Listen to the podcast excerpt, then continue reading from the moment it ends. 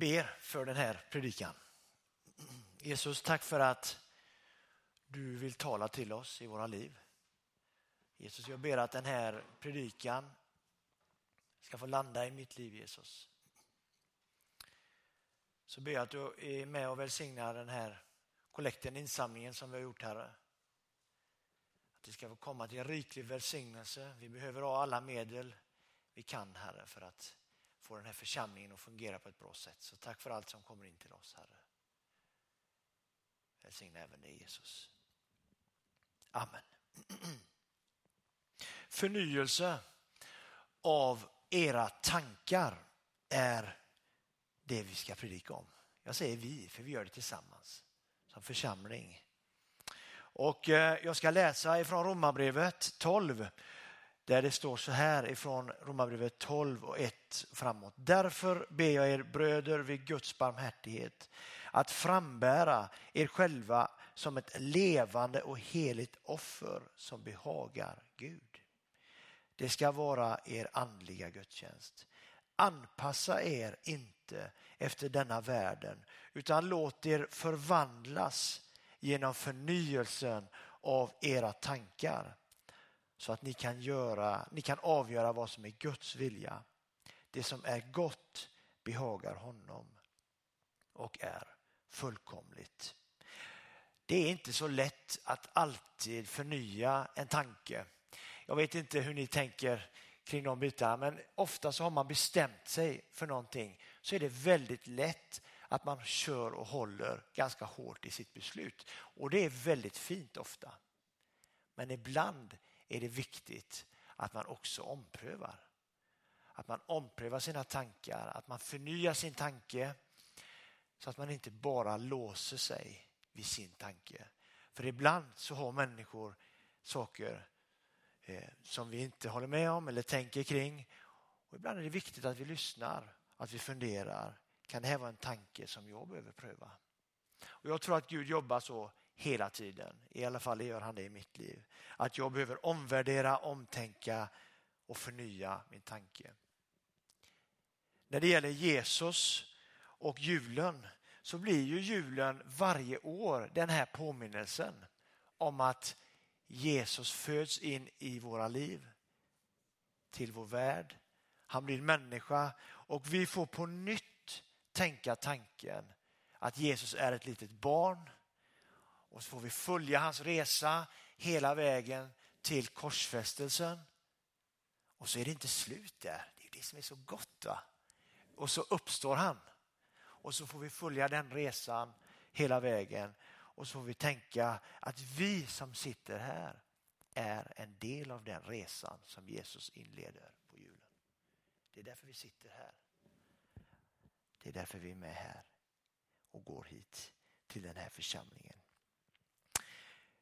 De flesta av oss, tror jag, bär på trons tankar. Förnyelsen av våra tankar.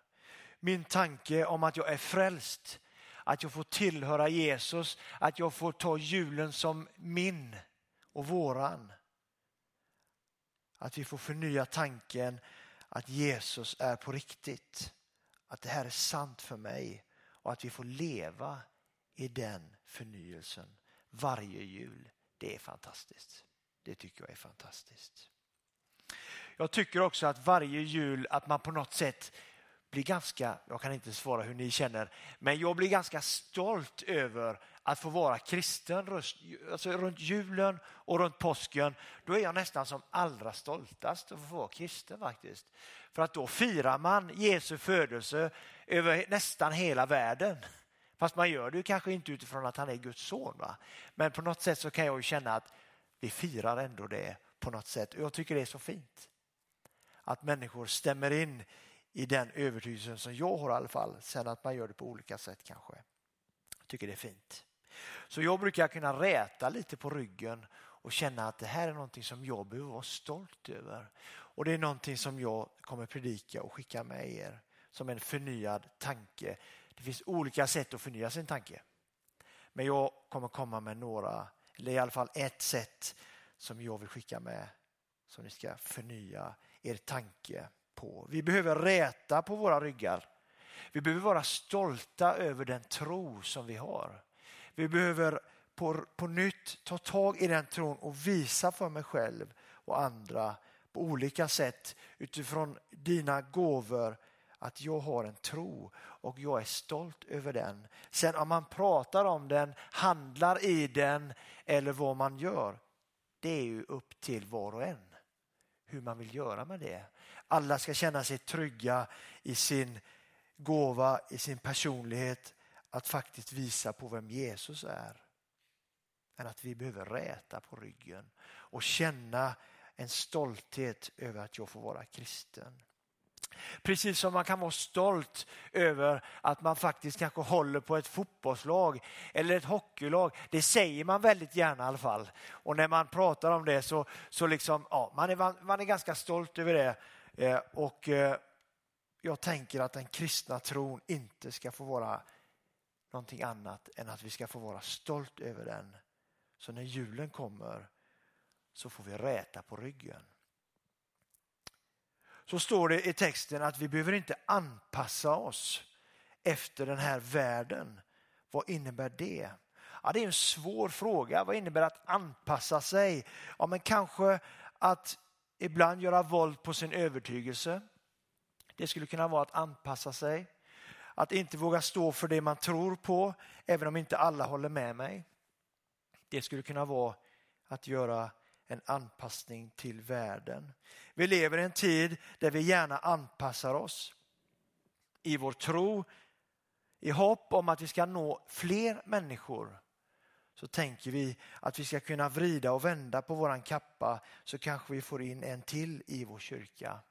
Jag tror inte att kristen tro riktigt handlar om det.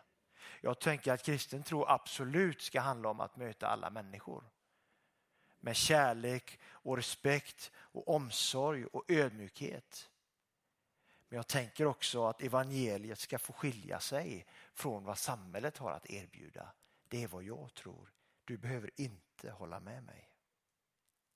Kom ihåg att tron enligt den bibel som jag läser och enligt min övertygelse så är ju faktiskt tron avgörande för människor. Det tänker vi inte så mycket idag. Att tron på Jesus är avgörande för himmelriket. I Bibeln så står det att ingen kommer till himlen utom genom Jesus. Det är något att ta på allvar. Det är något som jag vill skicka med som en förnyad tanke. Att vi ska vara stolta över den, att den faktiskt får vara avgörande för människor. Att den får vara en avgörande pusselbit i människors liv. Det innebär inte att vi ska anpassa våra tankar efter världens tankar. Men kanske behöver du och jag inse vikten av vår frälsning. För utan frälsning inget Gudsrike. Så läser jag i min bibel. Du behöver inte hålla med mig. Men vi lever ofta med en förvirrad tanke, tänker jag, att alla människor till slut kommer till himlen och jag vet inte om det är så eller inte. Det vet bara Gud. Men när jag läser i min bibel så är frälsningen avgörande för människor. Och jag tänker att vi på något sätt behöver ta detta på allvar. Att himlen är till för människor som tror på Jesus. Jag tänker att det är någonting som vi ibland, i alla fall jag, ibland släpper den tanken att människor faktiskt ska få uppleva frälsningen. Vi letar ofta efter under och så här, vi tänker att vi, vi vill att människor ska få liksom uppleva under i sina liv. Alltså att man blir helad från sjukdom eller liknande. Och det är fantastiska tankar. Men kom ihåg att den finaste av alla helanden som människor kan få uppleva i sina liv, det är frälsningen. Det är frälsningen. Det är den finaste och vackraste helandet som en människa kan få uppleva. Så är det frälsningen. Och kanske behöver du och jag förnya den tanken att Jesus är till för människor. Att människor behöver uppleva det här med tron och att faktiskt Jesus, frälsningen på Jesus får vara avgörande. Att det kan få vara en förnyad tanke. Där vi kanske ofta tänker att allting leder väl till slut någonstans. Jag tänker som pastor här i alla fall att det inte riktigt är så. Jag tänker att Jesus är väldigt tydlig när han säger att den nya förnyade tanken är att inte anpassa sig utan att faktiskt tro på evangeliet om Jesus. Så tänker jag i alla fall. Det är genom Jesus som frälsningen sker. Det är genom Jesus som vi firar vår nattvard. Det är nattvarden som gör sen, vi ska fira den här sen, jag ska förklara mer om det. Det är Jesus som vi firar, det är hans uppståndelse. Och i uppståndelsen, när Jesus dör och uppstår, så är det för dig och mig. Det är för alla människor och vi får om vi vill ta emot det som en gåva. Och den gåvan kan du och jag ta in i våra liv, ta och göra det till våran eller kan vi släppa den? Det är upp till var och en att göra. Men jag tänker att förnyelsen av tanken är att frälsningen ska få vara viktig. Jag tänker att Andreasförsamlingen, Fjällstugan, att vi på något sätt behöver inse att människor behöver tro på Jesus. Eller man behöver en tro på Jesus. Att det får vara avgörande. Att vi kan ta den tanken till oss. Ni vet de första lärjungarna, de var ganska desperata faktiskt. Jag säger inte att vi ska göra exakt som de gjorde, för det kanske man inte kan göra idag. Men de var väldigt desperata på något sätt. Att människor behöver frälsning alltså. Människor behöver Jesus och de gjorde väldigt mycket för att presentera Jesus för människor på olika sätt. Jag tänker att vi som församling det här nya året kan ha det som en jättemöjlighet, en jättevision, en jättetanke. Att faktiskt ta tillbaka vikten av att människor behöver komma till tro. Vi behöver hitta uttryckssätt i våra gudstjänster, i våra samlingar så att människor ska få uppleva att det här med Jesus är på riktigt och att det är avgörande för mig att ta emot den frälsningen. Vi behöver, likt de första kristna, sörja över att människor inte kommer till tro. Gör vi det? Om man ska vara ärlig, jag gör inte alltid det. Jag tänker inte ofta på det. Alltså, ibland gör man det, men det är inte så, så alltid jag gör det. Jag går inte alltid på ICA och tänker, undrar hur många som behöver komma till tro här på ICA. Inte att jag ska gå fram och säga att du behöver komma till tro. Det behöver vi inte göra. Man ska inte gå in och liksom göra våld på människor. Det är inte det jag försöker säga.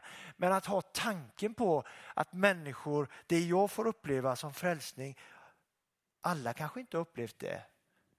Och ska man vara ärlig så tänker man inte alltid på det. Eller hur? Men vi behöver kanske likt de första kristna sörja lite mer över att människor inte tror på Jesus. Det kanske kan vara en förnyad tanke för det här året. Att vi kan ta tillbaka stoltheten att jag får vara kristen. Vi ska inte lamslås över den här pandemin. Vi ska inte lamslås över att vi på nytt behöver se över våra gudstjänstlokal. Vi behöver se över våra antal människor. Vi behöver inte lamslås över det. Det finns sätt att jobba, det finns olika sätt att jobba som församling. Och tänk på att din kristna tro, om du har någon, den är inte begränsad hit.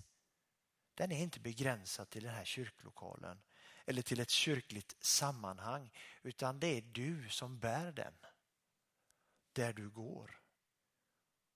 Så lamslås inte utan se det som en jättemöjlighet att faktiskt få sprida det goda evangeliet där du går på olika sätt.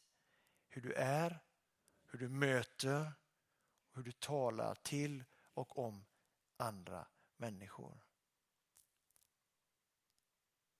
Vi, be, vi behöver ta tillbaka, tänker jag, som en förnyad tanke, att vi faktiskt behöver räta på ryggen. Att vi behöver vara stolta över den tro vi har. Därför ber jag er bröder, vid Guds barmhärtighet, att frambära er själva som ett levande och heligt offer som behagar Gud, inte människor. Det står inte människor. Det står Gud. Det ska vara er andliga gudstjänst. Anpassa er inte efter denna världen utan låt er förvandlas genom förnyelsen av era tankar. Förnyelsen på att Jesus är på riktigt. Att Jesus finns där för varje människa som vill det och han vill alla människors väl. Så kan ni avgöra vad som är Guds vilja. Det som är gott behagar honom och är fullkomligt.